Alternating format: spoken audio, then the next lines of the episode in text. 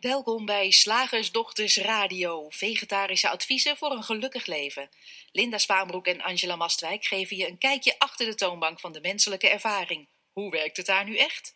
Wij maken gehakt van ingewikkelde concepten en fileren met liefde ook jouw leven. Dat alles onder het motto geluk. Mag het een onsje meer zijn? Hi luisteraars, hier is Linda. En Angela zit ernaast, zoals gewoonlijk gezellig. En eh, we hebben weer een leuk onderwerp voor je bedacht. Oh, al, eh, al zeg ik het zelf. Vertel. nou, ehm, kijk, vermoedelijk kom jij ze ook tegen. Eh, kinderen of volwassenen die onbereikbaar lijken. Van die mensen die je fysiek wel kan ontmoeten. Je kan ze ook wel aanraken. maar qua contact lijken ze zich nogal terug te trekken of van je af te wenden. En als voorproefje op de shiftdag kinderen en jongeren begeleiden, wilden we ons vandaag graag concentreren op nou, kinderen en jongeren, waarbij dat onbereikbaar lijken het geval is. En dat onbereikbare dat kan zich op allerlei manieren uiten. Uh, misschien kun je geen enkel gesprek met ze voeren. Misschien is er nauwelijks oogcontact. Misschien is er heel veel ruzie en heb je echt het idee dat je nou, in twee totaal verschillende werelden leeft en de ander begrijpt jou niet. En die ander zegt, ja, maar jij begrijpt mij niet. Of er is juist een schijnbare harmonie, maar kun je niet tot je kind doordringen als het gaat om problemen die het ervaart. Je ziet dat er iets aan de hand is, ja. probeert erover te praten, maar je krijgt eigenlijk geen respons. En die onbereikbaarheid van die ander, die kan je echt tot wanhoop drijven, met name als het gaat om je eigen kind. Of als je als professional geacht wordt uh, dit kind of deze jongere te helpen. Dat kan makkelijker. ja, daar gaan wij het dat is onze insteek. Hebben. Dat is onze insteek. We gaan het erover hebben, Linda. Onbereikbaar lijken, terwijl ze fysiek heel, uh, heel nabij zijn. En sommige mensen, die zie je nooit en die, en, uh, die lijken dan heel dichtbij, zeggen we ook wel eens. Hè. Dat, natuurlijk ook van die prachtige Facebook-plaatjes met mooie teksten van oh, echte vrienden. He, die kun je een jaar niet zien en dan pak je het zo weer op als je elkaar toevallig tegenkomt of belt of weet ik veel wat. Leuk is dat, hè, wat we allemaal uh, eromheen verzinnen over bereikbaarheid en onbereikbaarheid. Terwijl ja. de jeugd van tegenwoordig toch zo bereikbaar is met hun mobieltjes. Ja, ja, ja maar dan weer niet voor sommige ouders, omdat dan uh, je, je ziet dat ze je berichtje gelezen ja. hebben, maar ze reageren niet. Ja. Nee, maar die onbereikbaarheid, weet je, ik, ik uh, hoor mensen daar nog wel eens over praten. Hmm. Mm. Met name in het, nou, vaak in het kader van pubers. Ja. Of in het kader van kinderen uh, of jongeren of jongvolwassenen, maar ja, met, met, met een probleem. Um, iemand met uh, bijvoorbeeld anorexia, die zich terug lijkt te trekken ja. in een soort stilte, in een soort depressiviteit. Depressieve kinderen die eigenlijk Mhm. mm -hmm. steeds minder aanspreekbaar zijn, waar je mee probeert te praten, die je een lichtpuntje probeert te laten zien, die je probeert aan te geven, het is niet zo erg en, en toch, toch kun je Ja. ze niet bereiken. Autistische jongeren. Dat wou ik net zeggen. Ja, mensen waarvan we vastgesteld menen te hebben dat, dat ze dat, ja, de, de computer wat anders werkt of de processor wat anders de dingen doet. Maar bijvoorbeeld gisteren hoorde ik ook een verhaal van een, uh, van een jongen van een jaar of 16, 17, die qua ontwikkeling nogal wisselend uh, gedrag lijkt te vertonen. Ja. Soms lijkt het alsof hij dingen niet snapt, alsof hij reageert als een zevenjarige, Mhm. maar op andere momenten reageert hij weer heel erg wel als een zestienjarige. Ja. Die dan toch zich lijkt te begeven in kringen van wat we foute vrienden noemen, Ja. drugsdealers in dit geval. En, en als zijn ouders erover willen praten met hem, niet lijkt te snappen wat ze zeggen over het gevaar en het kader dat hij mis, misschien wel misbruikt wordt door die drugsdealers. Ja. En, en dan en tegelijkertijd op andere momenten zo boos worden, zo boos worden dat zijn ouders bang voor hem zijn. Ja, ja, ja. en dat, dat lijken ook heel ingewikkelde situaties. Hè? En met, met heel veel problematiek, wat jij, nu, uh, wat jij nu schetst. Er lijken zoveel dingen aan de hand te zijn uh, qua gedrag en qua ontwikkeling en qua gevoelens en qua weet ik veel wat. En wij maken het graag simpel, hè? Ja. Ja. Mag ik, voordat, voordat je begint met het simpel maken, mag ik even nog één voorbeeld geven? Want we hebben het nu met name een beetje over ouders. Maar ook als hulpverlener of Ja. als professional die met kinderen werkt, kun je hetzelfde treffen. Hè? Zeker Je weten. zit tegen ze te praten. Ja. Ze praten met je mee. Ze, het, en, en achteraf Ja. denk je, het lijkt wel alsof ze alleen maar gezegd hebben wat ik in dat moment wilde horen. Ja. Ze hebben zich omgedraaid en weg zijn ze. Ja. En alle goede adviezen, alle goede tips, alle handvaten die je probeert mee te geven, die lijken het ene oor in te gaan Ja. en het andere oor uit. en de frustratie daarvan. als water van een eend glijden jouw mooie wijze woorden van het kind af. Terwijl je dan als, ook als professional, je, je kan bijna uittekenen dat dit fout gaat. Ja. En je, en je zit daar en, en je hele hart gaat uit naar die kinderen. Je, je, weet je, je doet het werk wat je doet omdat je jongeren graag, of mensen met problemen graag zo wil helpen. En het helpt niet wat je doet. Het, het, er gebeurt niks. Er gebeurt niet wat jij wil.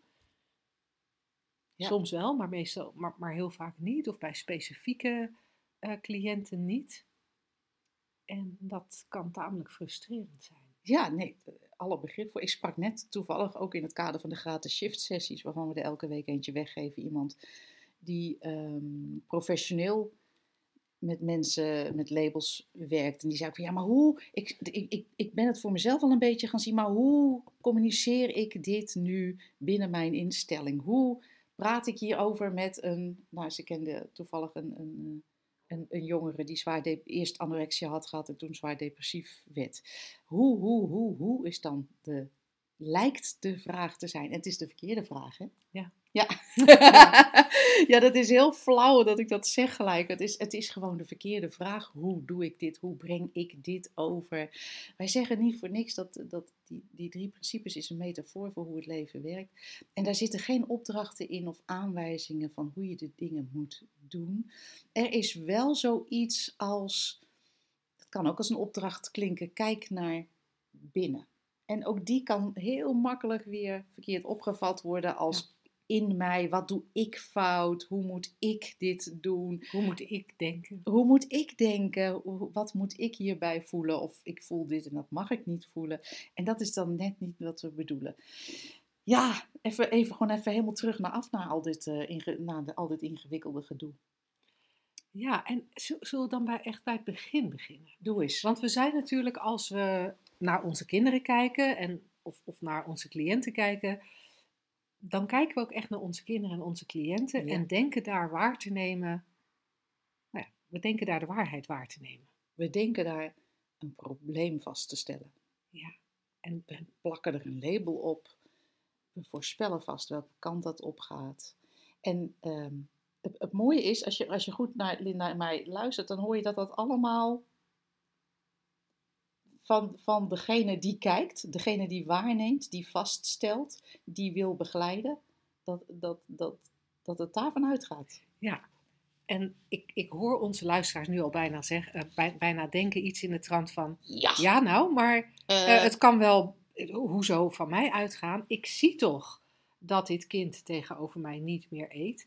Of ik zie toch ja. dat dit kind thuis komt zijn spullen uh, in de gang neersmijt, naar zijn kamer gaat, daar gaat zitten gamen, nog wel naar beneden komt om te eten, maar aan tafel zit zonder een stom woord te zeggen. Ja. Hoezo? Ja, en bovendien zie ik dit niet alleen, maar alle professionals met mij of alle familieleden met mij en de hele buurt neemt dit waar. Het is heus niet dat, dat, dat ik dit verzin. Want dat is ook vaak zo'n valkuil. Hè? Als we gaan zien dat, dat, dat het denken een realiteit tevoorschijn tovert. Dat we zeggen, ja, maar dit, dit, heb ik toch niet bedacht. Het is toch gewoon zo, dat zie ik toch. Ja.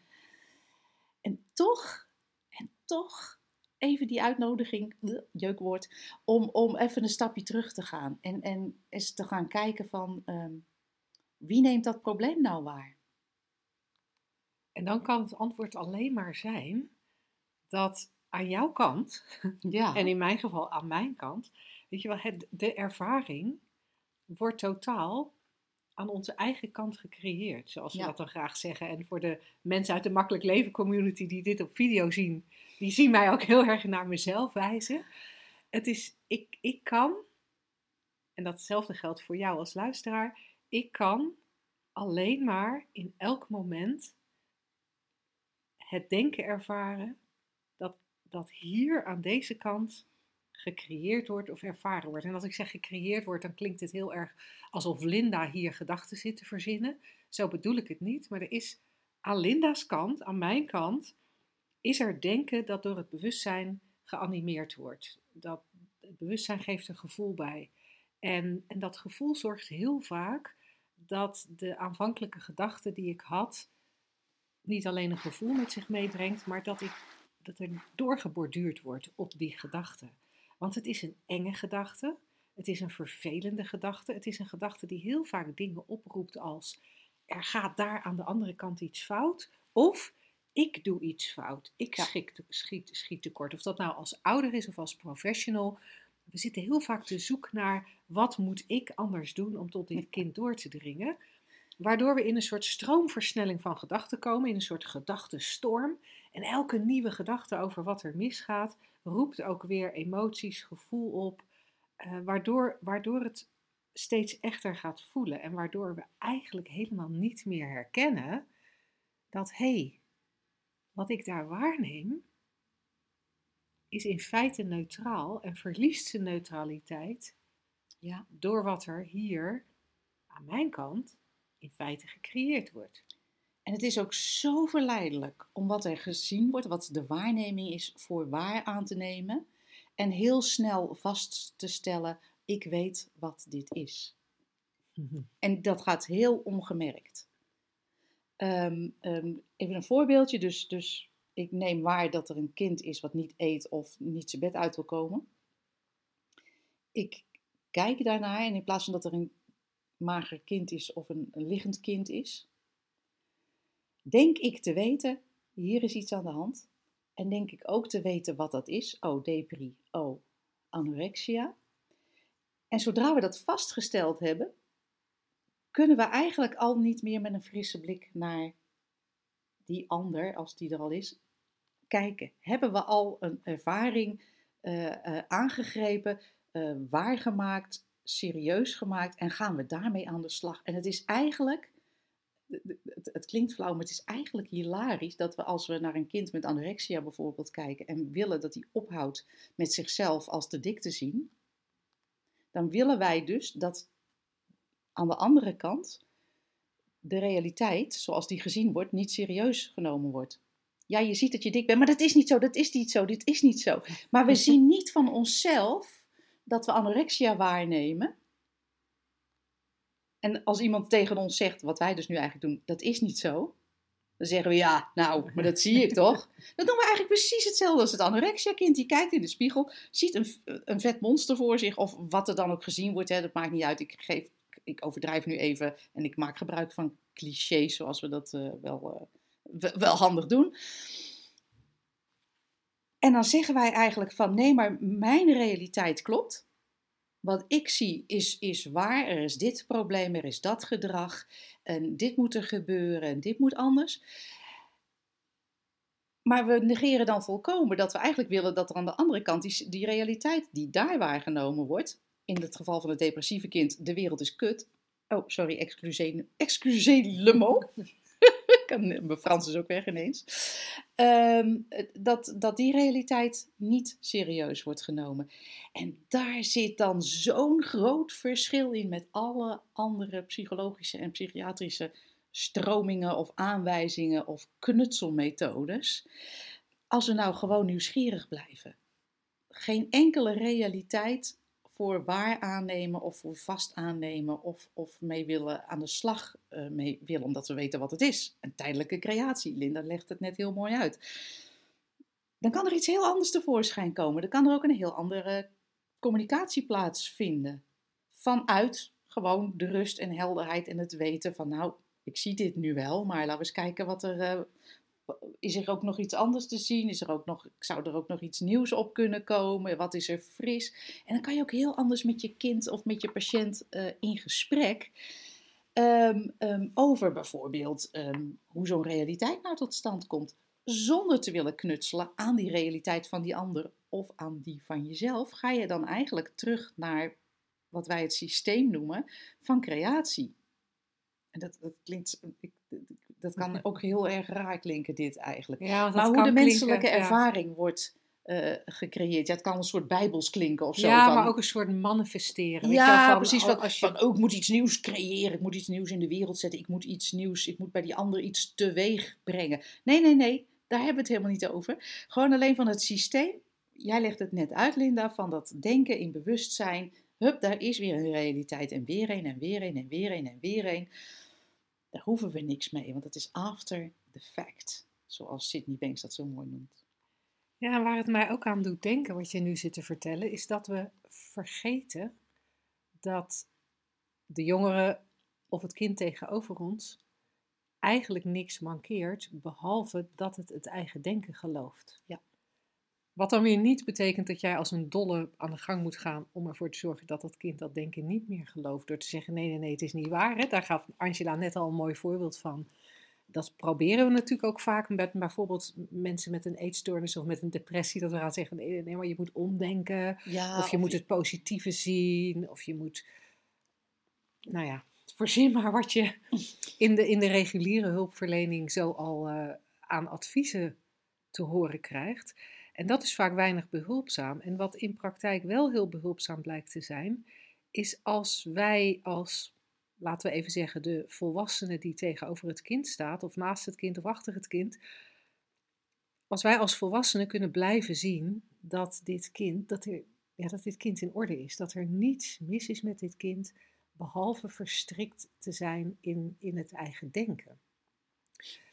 En wij merken steeds opnieuw en gaan ook op een steeds dieper niveau voor onszelf zien dat het meegaan in het denken geen zin heeft. Het heeft ook geen zin om het kind uit het denken proberen te trekken. Wat wel lijkt te helpen, is zelf de vuurtoren zijn die, die op de kade staat of aan land staat, daar waar het kind op woeste zee, in het donker, in zijn bootje aan het worstelen is om boven water te blijven. Of heel hard aan het roeien blijft om af te vallen. Ja, en wij zijn geneigd om daar als volwassenen in een, in een bootje te stappen en er achteraan te roeien om het kind te redden ja. en om het te helpen en met de beste bedoeling van de wereld. En wij zien meer en meer en meer dat wij zelf veel beter de vuurtoren kunnen zijn. En die vuurtoren, ja, wat ons betreft, word je een steeds betere vuurtoren naarmate je inzicht uh, in de drie principes dieper is. Ja, dit, dat is gewoon onvermijdelijk. Als je, als je diep, op een diep niveau gezien hebt hoe de menselijke ervaring in elk moment gecreëerd wordt, dan is er toch een soort. Je, je, je kan daar niet meer helemaal echt in meegezogen worden. Ja, even, even tijdelijk. Maar dat merk je vanzelf. Weet je dat, je, dat dat licht even gedimd wordt, ja. zou ik bijna willen zeggen. En het is ook niet zo dat we ernaar streven om een steeds betere vuurtoren te worden. Of, of, of gaan uren gaan mediteren zodat ons lichtje weer beter schijnt. Nee, totaal niet. Het is gewoon wat er overblijft. Echt het licht van inzicht schijnt op, op elke ervaring. En ja, dat, dat geeft toch een hele andere Ehm, eh, dynamiek zou ik bijna willen zeggen. Ik weet niet of dat het juiste woord is. En want alles wat we erover zeggen klopt dan net weer hele, niet helemaal.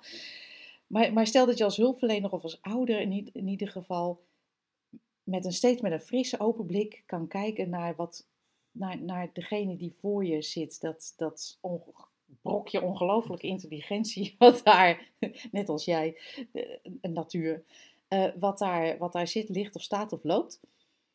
En, en daar zonder, zonder dat je gelooft wat dat hoofd daar allemaal over zegt. Het is mijn kind, dit gaat mis. Oh, maar het komt, hij is ook verstandelijk beperkt. En weet ik veel wat we allemaal geloven. En dat gaat zo ver en zo diep en zo onbewust en zo snel ook. want jij schreef ook laatst een heel mooi blog. Je zet, zet ergens mijn voor. En er zit al een hele lading aan gedachten en betekenis achter. Want als een kind in Verwegistan uh, depressief op bed ligt, dan denk je nou dat het zal wel, maar als jouw kind dat is, dan is er natuurlijk een heel gedoe. En het komt alleen maar omdat je daar steeds weer ja, een cre creëert dat het ah! Ja, ja, en daarnaast door onze eigen angst, omdat het mijn kind is, zou het ook wel eens kunnen zijn dat we depressiviteit waarnemen waar het eigenlijk alleen maar liggen is. Ja, dat is, ook, dat is ook fascinerend.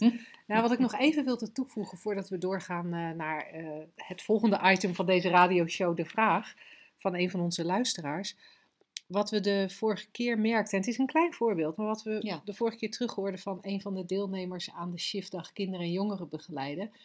Die was op de dag, uh, was ze veel bezig geweest met het feit dat een van de dingen die ze heel erg vervelend vond, rondom haar kinderen, was dat er elke avond ruzie aan tafel was. Hm. En zij wilde eigenlijk een andere manier van daarmee omgaan leren. Dat was een beetje haar doel waarom ze naar de shiftdag kwam. Hoe kan ik zen blijven terwijl de spaghetti om mijn oren vliegt en er ja. gegild en geschreeuwd en geduwd wordt? Ja, en het fascinerende was dat ze na die shiftdag thuis kwam en zeggen, nee, eigenlijk was een stapje eerder dat ze hier weggingen, dat ze zei, nou, ik ben echt heel benieuwd hoe ik strakjes omga met de ruzie aan tafel. Ik heb er bijna zin in. Ja, en tot haar grote verbijstering was er die avond geen ruzie aan tafel. Er werd gewoon gegeten. En dat is zo, dat is zo cool dat je met een beetje inzicht ja. eigenlijk niet meer weet wat je kunt verwachten. want, want het kan zomaar dat inzicht aan jouw kant iets verandert in de hele dynamiek, in de hele in de hele ervaring. En we weten absoluut niet hoe dat werkt. We gaan daar ook niet een theorie over opbouwen. Nee, nee, die zijn er al genoeg. Maar het is wel heel cool om te merken. Uh, nou, dit gelijk uh, als uitnodiging uh, om je in te schrijven, als dit onderwerp je belangstelling heeft, om je in te schrijven voor de Shiftdag Kinderen en Jongeren begeleiden. Het is de laatste keer dat we hem met dit thema doen. Kijk, grijp je kans. Grijp je kans. En uh, je kunt uh, de informatie daarover vinden op www.shiftacademy.nl. Academy op zijn Engels geschreven. En als je dan kijkt onder het uh, kopje trainingen, wat je in de navigatiebalk vindt, dan vind je daar ook heel gemakkelijk de Shiftdag Kinderen en Jongeren begeleiden weer terug. Nou, mooi. Dan gaan wij naadloos over, bijna, naar de vraag. Zeg, slagersdochters, hoe pak ik die vegaburger? Over naar de luisteraarsvraag. De vraag van vandaag is van Suzanne. En uh, zij schrijft: Een vraag die ik interessant vind is hoe ik beter kan luisteren. Ik praat wel eens door mensen hun verhaal heen en of ik raak afgeleid. Ik zou heel graag supergoed kunnen luisteren, met aandacht. Ik denk dat ik dan bijvoorbeeld ook effectiever kan zijn op mijn werk. Benieuwd hoe jullie omgaan met luisteren. Hoe luisteren jullie tijdens het coachen? Praten jullie ook wel eens door anderen heen? Raken jullie ook wel eens afgeleid? Kan dat ook op een beleefdere manier? Hoe zit het met jullie luisterskills? Wat denken jullie dat werkt om goed te kunnen luisteren? Nee, dit is, dit is niet één vraag, Suzanne. Het is een nee, mitrailleur puur van, van vragen. Maar wel super cool. Ik denk dat het heel herkenbaar is voor mensen. Hebben wij een, uh, niet een podcast ooit gemaakt over luisteren of niet? Ja. Hmm, volgens mij wel. Het is ook wel eens leuk om uh, te zoeken, Suzanne, of je die kan vinden. Kijken of we er toen iets zinnigs over te melden hadden. Ja, en hij is ook, hij is ook leuk, want ik, ik ken hem, ik herken hem heel erg van uh, toen mijn kinderen nog wat jonger waren en ik nogal uh, gedreven met mijn werk bezig was. Dan kwamen ze uit school en ik werkte veel thuis, dus dan kwamen ze naar boven om even gedachten te zeggen. En dan stonden ze aan mijn bureau. En dan vertelden ze over hun middag. En eigenlijk vond ik dat super, of over hun dag, vond ik dat super leuk. En tegelijkertijd was, was mijn aandacht half bij het kind dat een verhaal vertelde en half bij het ding waarvan ik dacht dat het echt heel noodzakelijk was om nu onmiddellijk te doen of om mee door te gaan. Waardoor ik hele stukken van het verhaal miste. Mm. Dus uh, ja, hij is herkenbaar. Ja, ja, voor mij ook. Ja, nou, en als het gaat om coachen, om, om luisterskills. Ik heb sowieso ook weinig, uh, um, of heb of had, weet ik, weinig geduld. ja, ja. ja. En hoe doe je dat dan als je iemand luistert? Als mensen vroeger een verhaal vertelden, dan, dan, dan dacht ik bij na drie zinnen al, oh ja, ik weet wat de clue is. Weet je, en dan had ik de rest van de tijd alleen maar zat ik eigenlijk trommelen met trommelende vingers van kom eens tot de essentie. Ja. De gelul eromheen hoef ik allemaal niet. Ja, ja en wat ik, wat ik tegenwoordig uh, merk, dat ik, ik vind verhalen nog steeds heel leuk. Ja. Als het verhalen zijn over feitelijke dingen. Zo van, uh, nou ja, en toen ging ik dus uh, kamperen. En toen hebben we een vuurtje gemaakt. En dat was echt superleuk. En toen kwam er een man met een gitaar en die ging liedjes zingen. Nou ja! Dat vind ik hele leuke verhalen. Ja. nog steeds. En dat is voor mij ook een beetje vergelijkbaar met naar een film kijken. Weet je, dat vind ik ook heel entertaining. Wanneer ik verhalen minder interessant vind, is als ze gaan over. Ja, nou ja, en toen dacht ik dus. En toen zag ik dus dat zij dacht. En toen voelde ik mij. En dat je dan een heel verhaal krijgt waarin enorm veel ingevuld is. Ja, dan gaat jouw care echt van, van, van 100 naar 0 in, in twee seconden. Ja, ja. en ik moet je eerlijk zeggen dat ik ehm, vorige week tijdens een uh, date met een meneer uh, dat ook gezegd heb. Ik heb niet gezegd, wat gaat mijn, mijn kermeter naar beneden? Ik heb zelfs gezegd, wat zit je nou te zeiken? Dan zit je te eten met een leuke vrouw, ga je zeikverhaal ophangen. Is dit jouw idee van gezelligheid? Nee, maar dan weet ik dat vast. Dan is dit gelijk de laatste date. Koffie. Dus ja, Suzanne, luisteren, luisteren. nou, het is heel grappig, want ehm, ehm, binnen de, de, drie principes, binnen die, die, nou ja, als je dat een community wil noemen, of wereld, of, of, of het. Nou, is, er, is er ook zoiets, uh, wordt er over iets, zoiets als deep listening gepraat? Heel diep luisteren. Maar dat ziet er misschien anders uit, dat heeft misschien een andere. Um, uitwerking dan je zou denken. Want heel vaak zijn we geneigd luisteren uit te leggen als heel goed opletten wat er gezegd wordt en heel erg het verhaal in uh, meegaan, in het verhaal meegaan, uh, uh, verdiepende vragen stellen. Wat wij misschien ook wel doen, hè? Daar gaat het even niet om. Hoe wij dit doen, zal ik je vast verklappen. Wij hebben ook geen idee. Ehm, en, ehm, maar in het kader van inzicht in die drie principes, is wat Linda net uh, schetste, is het niet interessant voor ons om kennis te nemen van alle gevoelens en alle gedachten, de inhoud daarvan, van degene die tegenover ons zit. Um, um, dus wat, wat, dat betreft zullen we daar niet, waarschijnlijk niet zo heel lang naar luisteren. En, en wellicht zullen we zelfs wel eens een verhaal daarover afkappen. Van even een time-out. Ehm, dit is niet waar het hier over gaat. En ik, of ik, ik, ik snap dat, dat, dat je dit een heel belangrijk verhaal vindt, maar in het kader van inzicht in de drie principes beginnen we liever nu hier fris en nieuw zonder die, um, zonder die ballast. En dan zou het misschien kunnen dat we gaan uitleggen waarom dat ballast is en dat die alleen uit gedachten bestaat, die je op dit moment weer eventjes uh, hebt opgediept uit jouw rugzak met gedachten. Als die al bestaat. Uh, dus er is eigenlijk geen juist antwoord hierop. Skills hebben wij niet. Onze enige skill is dat wij eigenlijk met zo weinig mogelijk um, op, in ons eigen hoofd of, of ons eigen systeem opkomen dagen. Maar daar doen we geen trucje voor. We gaan niet zeggen van, oh, als er een klant binnenkomt, dan ga ik eerst even 10 minuten zitten. Dan maak ik me helemaal leeg, zodat ik me kan concentreren, weet ik veel. Want een, een, een rustig of een leeg, je wordt enorm leeghoofdig uh, als bijverschijnsel van inzicht in de drie principes. Dus dat is eigenlijk een heel ja, natuurlijk iets. Ja, en wat je veel ziet als je kijkt naar luistertrainingen of communicatietrainingen mhm. die niet uh, op de drie principes gestoeld zijn, dat je veel adviezen aangereikt krijgt, tips aangereikt krijgt en methodes aangereikt krijgt om beter te luisteren. Uh, je moet bijvoorbeeld spiegelen, dan krijg je inderdaad ook regels als je mag, uh, dus je moet de lichaamstaal spiegelen, je mag iemand niet onderbreken, uh, je moet verdiepende vragen stellen, eigenlijk een heel aantal van die dingen die jij net al zei. En dan, en als je dan probeert te luisteren, dan moet je tegelijkertijd wel denken aan al die dingen die jij moet. Oh, oh, oh, wacht even. Wat doet ze nu? nu? Nu moet ik dus ook met mijn handen bewegen. Ja? Nu moet ik ook voorover gaan zitten in mijn stoel. Oké, nu moet ik juist achterover in mijn stoel. Angela duwt haar neus in mijn gezicht. Dat was iets te close, ja. oh ja, je moet wel de juiste afstand houden. Anders is niet professioneel. Precies.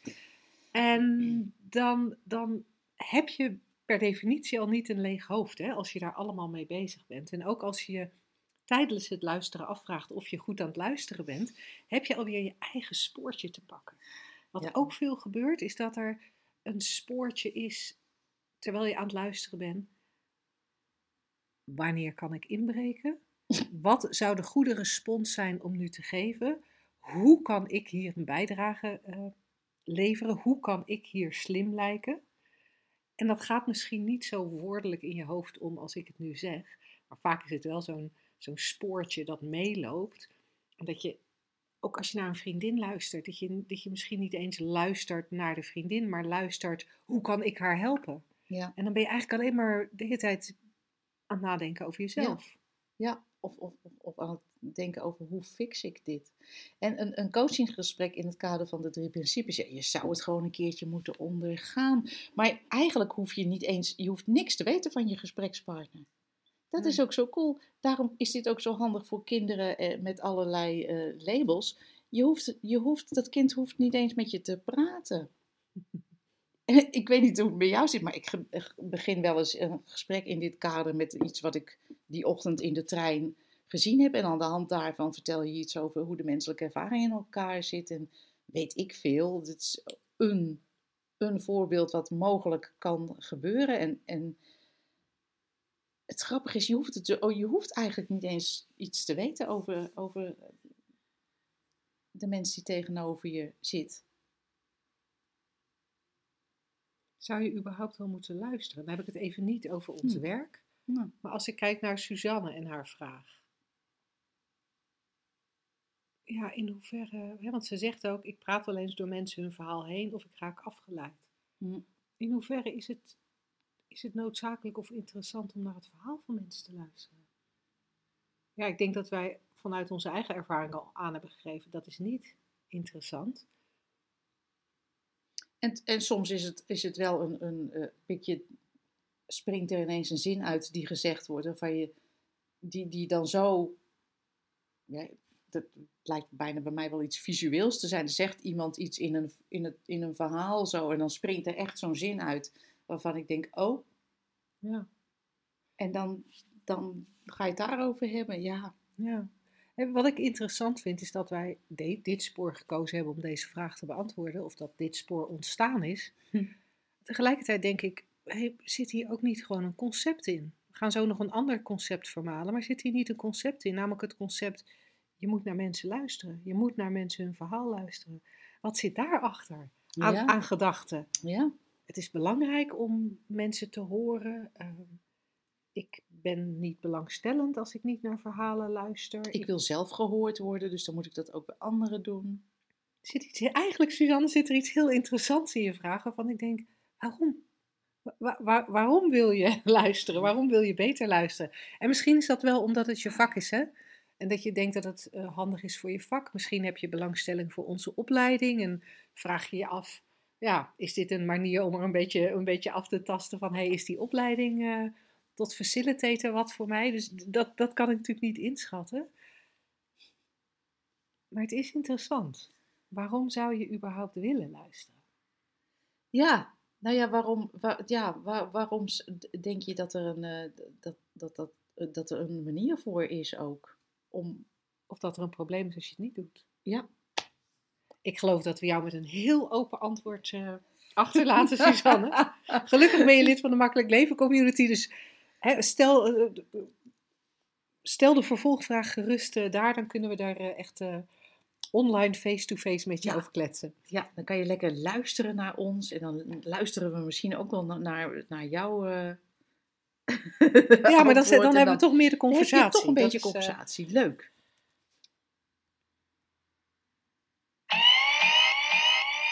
Woensdag, gehaktdag. Zeg slagersdochters, welk concept gaat er vandaag door de molen? Vandaag uh, wilde ik het heel graag eens met je hebben, Angela, over gelijkwaardigheid. Oh. Zijn wij wel gelijkwaardig in deze oh. business? Nou, dan moeten we het wel wel Zijn wij wel gelijkwaardige slagersdochters? Mm Wat is eigenlijk het belang van gelijkwaardigheid? Ja, gelijkwaardigheid. Ja, dat is, dat is wel een dingetje. Ik, eh, ik uh, want emancipatie, dat is toch, ik bedoel, van deze tijd heel, ja, dat is eigenlijk een soort logisch en toch gebeurt het nog niet overal. Het is, uh, en het is heel belangrijk. Ja, en ook binnen een relatie is het heel belangrijk, vindt men, om gelijkwaardig te zijn. Geven en nemen. Ik had uit een partner die zei tegen me van, ja, die andere mensen die, eh, die zijn niet gelijkwaardig, dat zijn wij gelukkig wel. En toen zag hij mij kijken hm. en toen zei hij toch, nou, ik, uh, ik zie hem niet. wat interessant dat jij daar zo over denkt. Vertel eens wat meer. ja, want wat is, wat is gelijkwaardigheid? Waar meet je het aan af? Hoe voel je het? Waarom is het belangrijk? Wat leg je dan op die, op die weegschaal om dat vast te stellen, inderdaad? Nou, ik weet het niet. Ik weet het niet, maar ik, ik weet wel, en dat, dat had ik jou al verteld, dat ik van de week iemand sprak die uh, zich afvroeg, uh, die zich serieus afvroeg of wij wel gelijkwaardig waren in, deze, in, dit, in dit geheel, dit mm -hmm. Slagersdochters en Shift ja. Academy geheel. En uh, ja, die ook nog wel wat tips had, waardoor ja. jij meer in je kracht kwam te staan. En dat vond oh, ik, ik vond het enorm, fijn. ik vond het enorm komisch dat Angela in dat, in dat gesprek gezien werd als uh, het zwakke poppetje in, de, in dit geheel. Uh, dat ervaren wij totaal niet zo, van beide kanten. Maar het is echt reuze interessant hoe we inderdaad um, ten eerste al de constatering doen wat het is dan moet er toch al een interne meting hebben plaatsgevonden of en heel veel, zijn. heel veel ideeën over wat goed is, wat de ja. goede manier is van met elkaar omgaan, wat de goede manier is van communicatie, wat de goede manier is van taken verdelen. Waar we ons beter bij zouden voelen, krachtiger. En wat ik het fascinerende vind, dat alles waarmee we dan komen,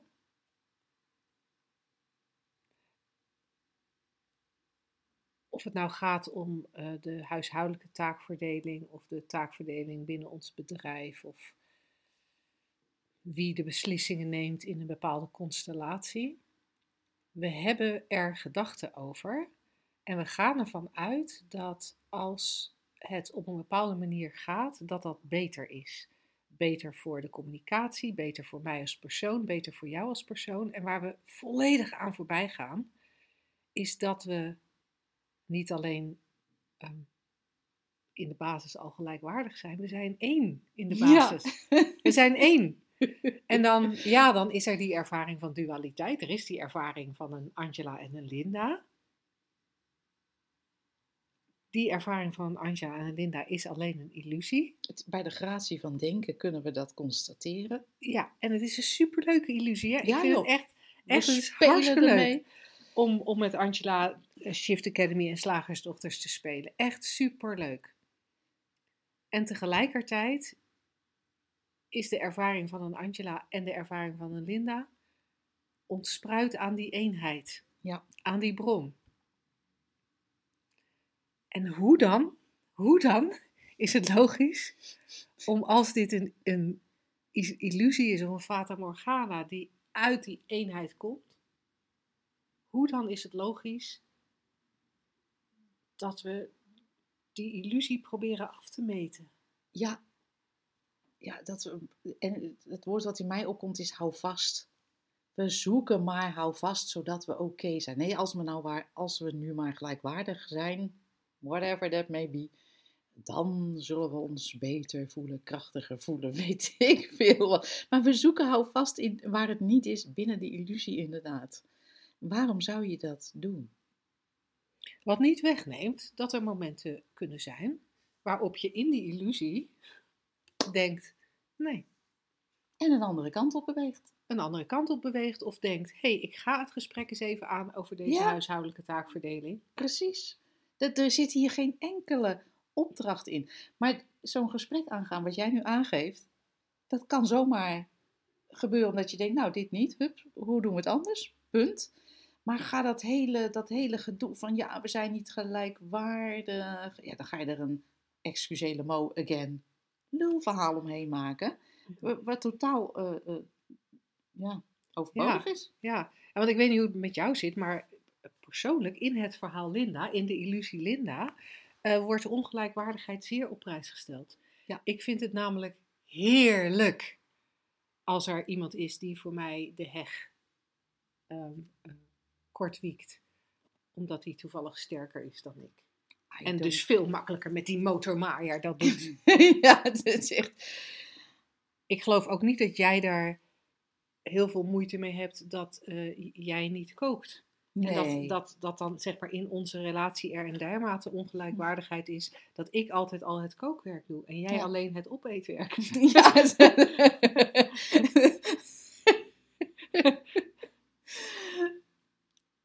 Maar soms is dat overal... gewoon. Weet je, er zijn ook gewoon momenten waarop het hartstikke lekker is dat je niet allebei hetzelfde bent of allebei hetzelfde doet of allebei evenveel doet. Het is zo grappig als je de natuur inkijkt, wat, wat volgens mij, waar, wat natuurlijk ook binnen de illusie plaatsvindt. Hè? Alle, alle bomen en, en, en bloemen en bijtjes en weet ik veel.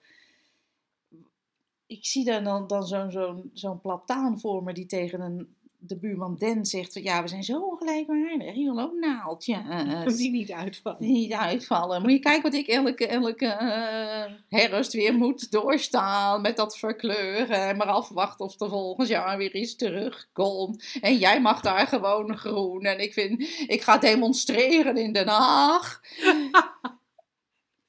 Voor de bomenemancipatie. Nee, joh, het is echt te, te belachelijk voor woorden. Ja. Ja, dat de vliegt is zo in, half hangend in het web zegt: Jij verstrikt me tegen de spin. Ja. Ik Ja. kom hier totaal niet op mijn recht. Ja. Het is echt grappig wat we als mensen allemaal kunnen en mogen en, en durven en willen verzinnen. Ehm, en wij hopen dan ook altijd in zo'n in zo'n radioshow dat, dat, dat er een beetje ruimte ontstaat. Dat je ook eens gaat denken van wat, wat, wat zeg ik nou eigenlijk? Want het is zo makkelijk om zo'n concept aan te grijpen. Gelijkwaardigheid vindt iedereen fijn. Ja, iedereen Zijn denkt het dat allemaal over eens? ja, iedereen denkt dat hij weet wat het is. En, eh, ja, en dan kunnen we daar naar streven of over hebben. Of constateren dat het hier niet aanwezig is en daar wel. Of in dit opzicht niet en daar wel. En voor je het weet heb je een eindeloze gedoe, een lobby, een, een, een politieke partij, een, een, een complete beweging die over een concept praat wat niet bestaat. Kan je je leven lang mee bezig zijn. Ja. Hartstikke leuk. Vooral Maar- doen als je, het, eh, als je het gezellig vindt. Maar Maar, het mag makkelijk. het mag ook eh, makkelijk. Ja. Gewoon zien voor wat het is. Nou, mocht jij nu denken, wat de F zitten ze daar nou toch te bazelen? Ehm, stuur ons gerust een mail met, Ja. eh, eh, m- met je feedback en eventuele vervolgvragen daarin. Daar gaan we heel graag in een volgende radioshow op door. En mocht jij een van onze nieuwere luisteraars zijn en ehm, heb je die drie principes nog niet zo heel erg in beeld, vraag je je af, hmm, wat is dat nou? Eh, ga dan naar een van onze websites. Het is of slagersdochters.nl of shiftacademy.nl. En ehm, vraag daar ons gratis e-book Drie Principes voor Geluk aan. Daar lees je alles eh, over die drie principes. Tenminste, alles. Daar leggen we ze je uit. Dat je in ieder geval die basis en ja, dat je een beetje weet wat we- waar, waar we naar eh, verwijzen. Ja. Je bent heel welkom om dat te doen. En eh, verder zou ik zeggen tot de volgende keer. Tot dan! Doeg!